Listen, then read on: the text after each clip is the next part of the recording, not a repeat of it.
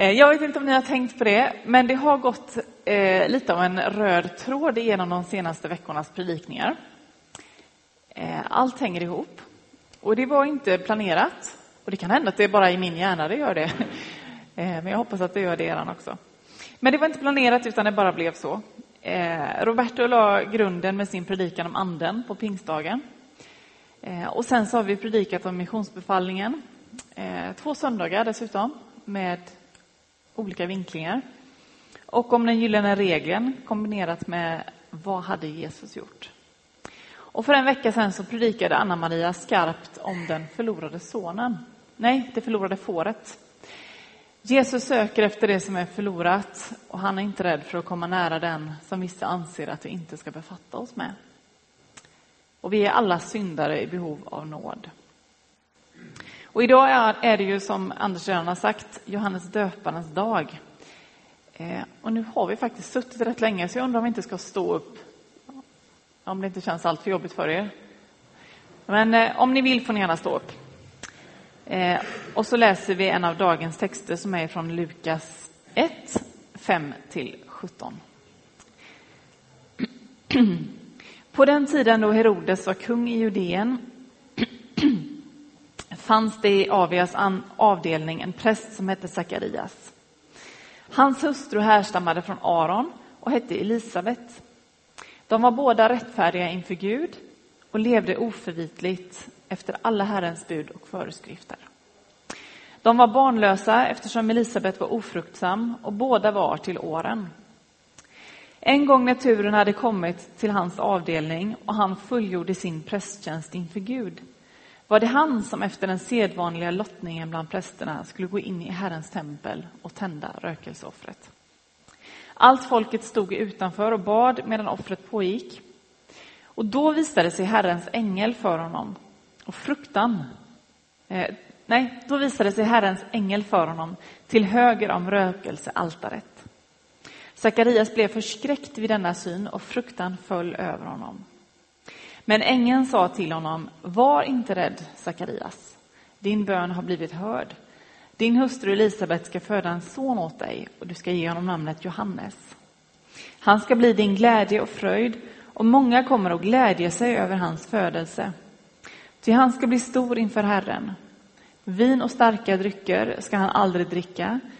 Han ska uppfyllas av helig ande redan i moderlivet och han ska få många i Israel att vända tillbaka till Herren, deras Gud. Och han ska gå före honom med Elias ande och kraft för att vända fädernas hjärtan till deras barn och ge dem ohörsamma ett rättfärdigt sinne så att Herren får ett folk som är berett. Ska vi be tillsammans? Herre, tack för att du är här mitt ibland oss. Tack för att du känner oss var och en och du vet vad vi bär på. Eh, och vad, vi, vad vi gläder oss över och vad vi kämpar med, Herre. Tack för att du känner allt. Nu får vi lägga oss själva och den här predikan i dina händer och resten av gudstjänsten. I Jesu namn. Amen. Varsågoda och sitt, hörni.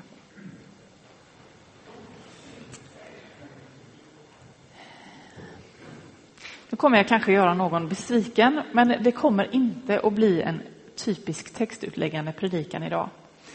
Men jag ville ändå läsa hela texten och få påminna oss lite om hela den här fantastiska berättelsen. För den är ju verkligen fantastisk. Tänk på den här chocken. Han går in framför altaret och sen så tänker att allt är som vanligt. Sen till höger, helt plötsligt, så står det en ängel och berättar att han ska bli pappa. Vilken grej! Det är, det är inget som vi får vara med om varje dag kanske. Eh, så jag tror att jag måste predika över den mer utförligt en annan gång. Men jag skulle idag faktiskt vilja lyfta en vers lite ur sitt sammanhang och utgå ifrån den. För jag tror att vi kanske behöver det. Eh, inte bara som enskilda och som församling utan kanske som land. Jag gillar egentligen inte att grotta ner mig och tycka att allt är bedrövligt. Jag är en sån person som snarare tycker att glaset är halvfullt eh, och inte halvtomt. Det finns säkert fler som är som jag och det finns säkert fler som inte är som jag. Men de senaste fyra åren eh, har rymt mycket olika saker eh, och många olika känslor som verkligen har pendlat fram och tillbaka. Och även jag inser ju att när man tänker på allt som händer och sker i våran värld så är det lätt att känna sig orolig. Sommaren 2014 präglades av Rysslands intåg i Ukraina, ebolans spridning i Afrika och därifrån också ut i övriga världen. Eh, samt Syrienkriget som började märkas redan då. Och sommaren och hösten 2015 så eskalerade Syrienkrisen och vidden av det hela drabbade världen i och med bilden på den lilla pojken som drunknade och spolades i land på en strand vid Medelhavet. Och han är en av många som har dött under försöken att korsa Medelhavet i jakten på ett bättre liv. I september 2015 så höll vår statsminister, Eh, märkbart rörd, ni kommer säkert ihåg, eh, ett tal om att vi måste ta emot de människor som är på flykt. Men sen två månader senare så attackerades Paris av terroristerna och med ens så ändrade sig hela spelplanen. Rädslan slog klorna i de, i de styrande, inte bara i vårt land, utan i flera länder. Gränserna började stängas, eh, för man kom på att det kanske inte bara var människor på flykt som tog sig in i Europa. Och Europas ledare fattade snabbt och fattar fortfarande stora beslut grundade mer på rädsla än förnuft.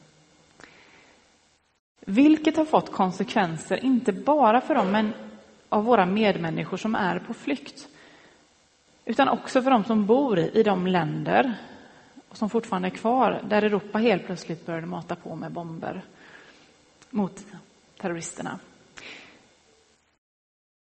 Men det är ju inte bara terrorister som har drabbats av attackerna i Syrien. Och det är inte heller bara de som drabbas av att regeringen vill utöka liksom, storebror ser dig-känslan i vårt land. Utan även vi och vårt privatliv.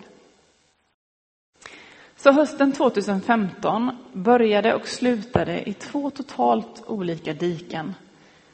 Och som ni vet så är det aldrig bra att hamna i diket. Utan det absolut bästa är ju att hålla sig mitt på vägen. Och det som hände den hösten, det påverkar oss fortfarande. Och den här höstens val kanske borde handla om skola och sjukvård, till exempel. Men allt kretsar kring migrationspolitiken. Var inte rädd, säger ängeln Gabriel till Sakarias. När vi människor blir rädda så fattar vi galna och irrationella beslut. Och jag tänker att det gäller inte bara vår regering, utan det gäller också oss. Rädslan förlamar och paralyserar oss. Rädslan får oss att vara rädda för det okända, för de människor som kommer till det här landet med en annan bakgrund och kanske även tro än oss. Göteborgsregionen är oerhört segregerad och det hjälper inte direkt den här rädslan, utan det spär snarare på den. Eftersom vi inte naturligt möter de nyinflyttade i vår vardag som grannar och vänner. En del av oss gör det, lever så, och då är det fantastiskt. Men alla gör inte det. Och Det betyder att vi själva måste ta initiativ för att möta och konfrontera vår rädsla för det okända. Och ett bra sätt att komma ur rädslans paralyserande kraft är just att konfrontera den. Dessutom så är det så att segregering och utanförskap det skapar missnöje. Vi måste hjälpa de nyinflyttade och nyanlända in i samhället och välkomna dem in i våra liv och våra sammanhang. Idag kan en nysvensk ha bott här i tio år utan att en endaste gång ha blivit hembjuden till en som bott i Sverige i flera generationer. Och det är ju egentligen helt galet när vi tänker på det. Och det är inte bara myndigheternas ansvar att ta hand om segregationen och utanförskapet, utan det är allas vårt gemensamma ansvar. Och apropå ansvar, vad är vi kristna kallade till? Om jag hade varit i skolan nu så hade jag kanske frågat eleverna. Vad är vi kristna kallade till? Är det någon som har något svar?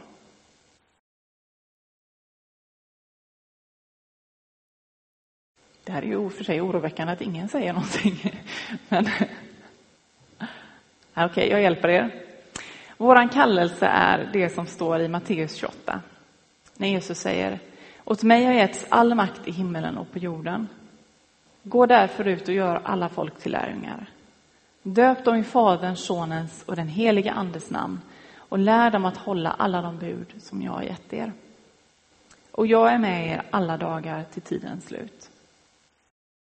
Detta är missionsbefallningen och den borde vara grunden för allt vi gör.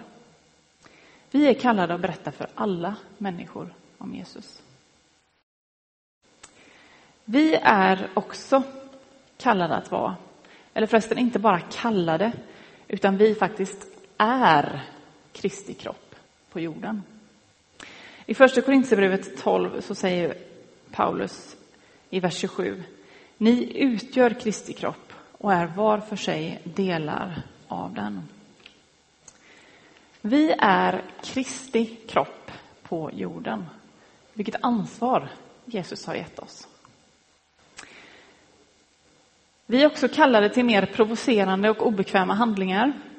Bibeln uppmanar oss att älska våra fiender, vända andra kinden till och ta hand om främlingen och flyktingen. Och I Matteus 7 och 12 så säger Jesus samma ord som vi hade med på sommarfesten för några veckor sedan i dramat. Allt vad ni vill att människorna ska göra, ska göra för er, det ska ni också göra för dem. Även känt som den gyllene regeln. Och jag tänker att de här orden är superviktiga att ha med sig i de val som vi gör. Hur hade vi velat behand bli behandlade om vi hade varit i de utsattas sits? Var inte rädd, säger ängeln Gabriel till Sakarias. Och det är en uppmaning inte bara till Sakarias då, utan också till oss nu, i våran tid. Och det kan tyckas som en svår uppmaning. Var inte rädd när världen ser ut som den gör. Men jag tror att det är en oerhört viktig uppmaning. För några år sedan så bestämde sig en författare som heter Jeff Kusner för att ta reda på hur många gånger uttryck som frukta inte, var inte rädda, var inte oroliga med mera stod i Bibeln. Och han hittade närmare 400 ställen. Och det är åtminstone ett var inte rädd per dag under ett år. Man skulle också kunna säga att Gud uppmanar oss varje dag att inte vara rädda. Och jag skulle vilja tillägga, utan att istället fästa blicken på honom. Det finns en lovsång vars första vers lyder Fäst dina ögon på Jesus. Se in i verkligheten själv. Alla ting runt omkring smälter bort som snö i ljuset av hans ära och makt. Och man kan tycka att jag förenklar nu, men jag tror att det är en nyckel. Om vi fokuserar på Jesus, han som är vägen, sanningen och livet. Han som är A och O, han är början och slutet. Han som Gud har upphöjt över allt och gett honom det namn som står över alla andra namn och som alla knän till sist ska böjas inför. Vilken Gud vi har. Var inte rädd, säger Gabriel till Sakarias. Och lite längre fram i texten så säger han om Johannes döparen som ska födas. Vi läste det innan, i vers 14. Han ska bli din glädje och fröjd och många kommer att glädjas över hans födelse. Ty han ska bli stor inför Herren. Vin och starka drycker ska han aldrig dricka. Han ska uppfyllas av helig ande redan i moderlivet och han ska få många i Israel att vända tillbaka till Herren, deras Gud. Och han ska gå före honom med Elias ande och kraft för att vända fädernas hjärtan till deras barn och ge dem ohörsamma ett rättfärdigt sinne så att Herren får ett folk som är berett. Johannes föddes, växte upp och blev allt annat än rädd.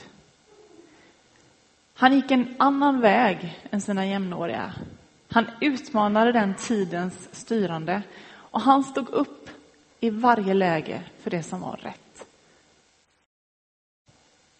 Och viktigast av allt, han banade väg för Jesus. Och jag skulle önska att vi med våra olika sätt och våra olika gåvor och våra olika personligheter fick vara som Johannes där han gick fram. Och där vi går fram. Att vi vågar säga emot när det förs en orättfärdig politik. Att vi står upp för det som är rätt och att vi för deras talan som inte själva kan. Och det tänker jag är vår uppgift som kristna idag. Jag gråter nästan nu, för jag är så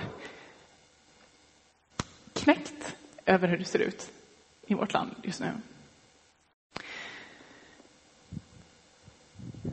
Vår uppgift som kristna idag är att inte fastna i rädslans paralyserande grepp, utan att rikta blicken uppåt på Jesus och sen att ta vår kallelse som Kristi kropp här på jorden på allvar.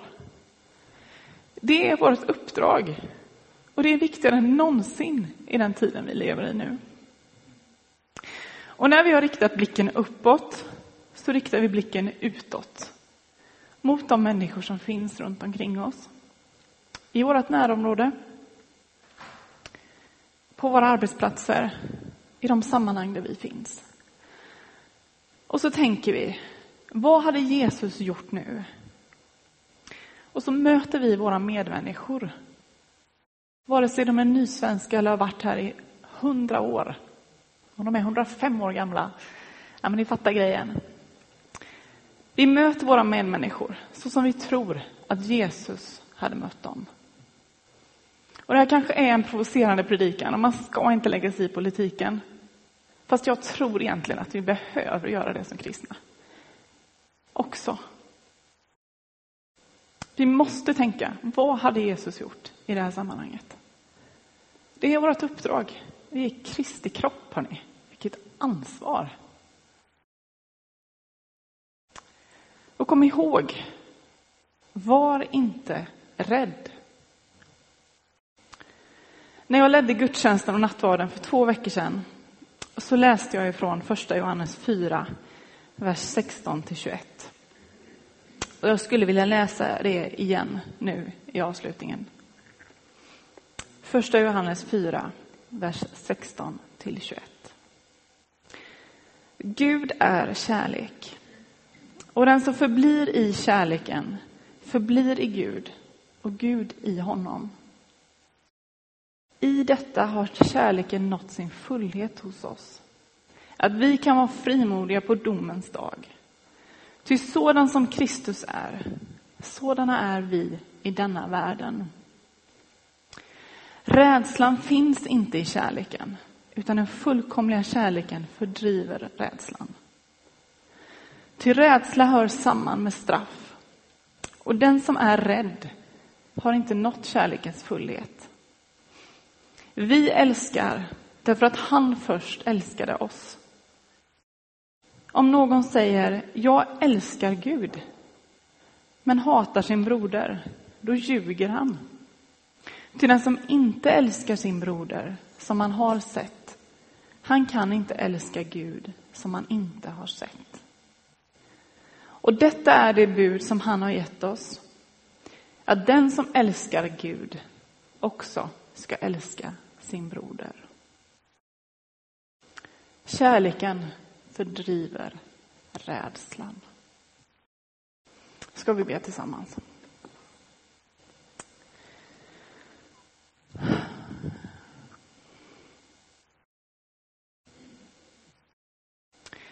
Herre, tack för att du har gått på den här jorden. Tack för att du har mött människor. Tack för att du har sett dem. Och tack för att du verkligen har rört vid dem. Herre, jag ber att vi ska få bli mer lika dig. Och att vi ska få stå upp för de svaga, Herre. De som behöver det, Herre. Precis som både du och Johannes döparen gjorde.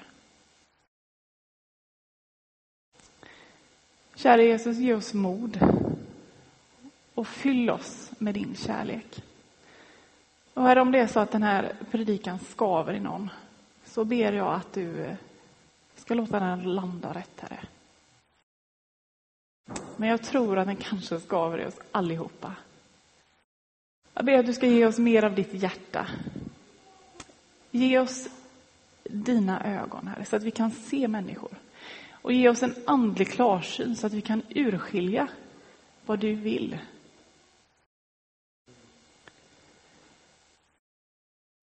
Kom och möt med oss där vi är. I våra tankar, i våra sinnen här och i våra sammanhang där vi befinner oss.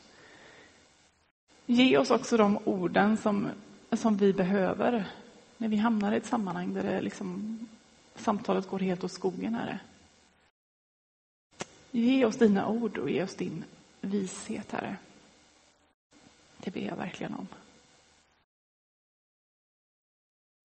Och fyll oss med din helig Ande.